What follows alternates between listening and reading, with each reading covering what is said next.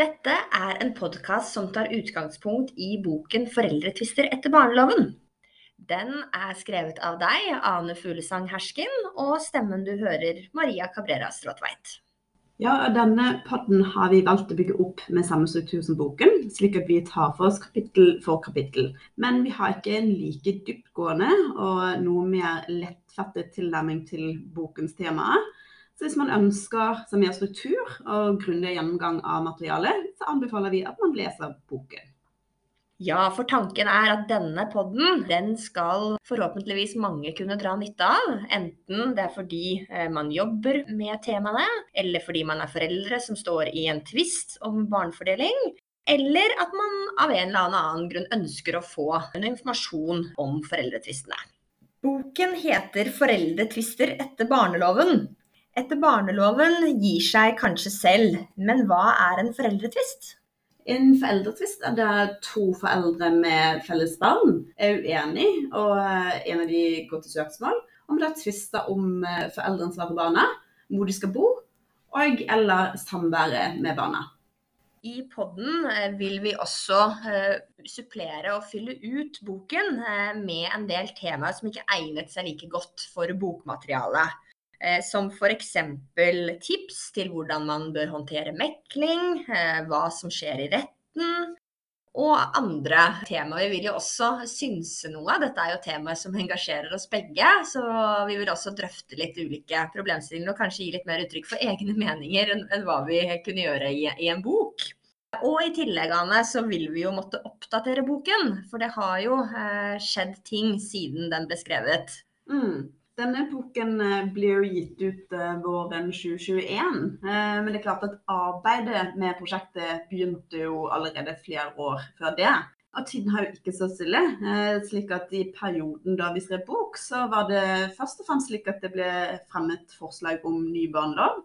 Som ble sendt på høring. Og så har det også kommet inn en hel del kommentarer til det. Mm. Det stemmer. Eh, og når dette skjedde, når man sitter og skriver en bok, så får man jo dilemmaet. Skal man begynne å ta med temaene i boken? Skal vi vente? Eller skal vi eh, skrive boken ut ifra det som er gjeldende rett på dette tidspunktet? Eh, og da valgte jo vi å på en måte se bort ifra forslaget i boken, men da har skrevet den basert på gjeldende rett når vi utga den da i våren 2021. Ja, for den gang så virker det jo som det mest naturlige. Men nå som vi lager pod, og man har kommet lenger i arbeidet med ny lov, eh, så tenker vi at det er naturlig at vi belyser høringsuttalelse som er mest relevant, når vi kommer inn på de temaene det gjelder. Ja, fordi eh, status nå det er at det da har vært høringsfrist. Det var i mai 2022. Eh, og nå ligger da alle uttalelsene hos Stortinget. Så det er nå det skal besluttet hva som skal vedtas og ikke. Og så er det jo veldig mange forslag på forskjellige nivåer. Noen forslag går mer på ordlyd og litt mer sånn lovteknisk, at barneloven skal være mer moderne og mer tilgjengelig. Og så er det andre endringer som bare vil da bekrefte utviklingen i rettspraksis. Men så er det også noen forslag som er veldig omfattende, og som vil kreve store ressurser og endringer i systemer. Men hva kan man forvente da, når det kommer denne type forslag hvor det er så mye forskjellig? Mm. Både på, på lavere nivå og på veldig høyt nivå. Som så gjelder barneretten som sådan, hvis man skal inn og ha en sak på egen hånd. Hva kan man se for seg videre, hvis du tror at du kanskje kommer til å stå i retten i løpet av et halvt år eller et år? Hva, mm. hva er det man må forholde seg til? Jeg vil forvente at det kommer en ny lov, barnelov, innen et år kanskje. I hvert fall endringslov. Jeg tror ikke en helt full ny barnelov som skal erstatte dagens barnelov eh, vil komme så raskt, men en del f.eks. av rettspraksisen, som vi kan komme litt nærmere inn på i forhold til mm. dette med hva som skal til for idømmelse av delt fast bosted f.eks., der må man jo også i dag forholde seg til mye av det som står i forarbeidene. Mm. Eh, sånn at det, det må man ta inn over seg allerede nå.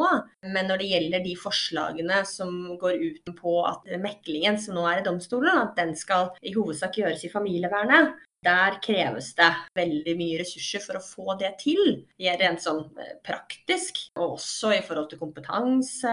Og, og, der er det også veldig mange innspill og ganske eh, mange som er kritiske til det, og på en måte påpekt det skal veldig mye til. Da. Så mm. det vil jeg se for meg at hvis det blir vedtatt, at det skal eh, gjennomføres de endringene som er der i forhold til mekling, så tror jeg nok at det er flere år frem i tid. Så man kan se for seg at det kanskje kommer noen endringer i dagens lov, og det kanskje blir enda større endringer på sikt? Ja, det er mye av det som brukes i dag i, i barneloven, som man fortsatt kan forholde seg til. Altså det er også en del av de forarbeidene som ligger på bordet nå, som man bruker inn i dagens arbeid i barneretten. Helt riktig, og for å forstå dagens lov. Mm. Så Det er jo noe av det som gjør det så interessant å jobbe med barneretten. Eh, det er jo et rettsområde som er det vi kaller dynamisk. Det utvikler seg jo hele tiden. Og det bringer oss jo videre til eh, neste kapittel, som er da barnets beste.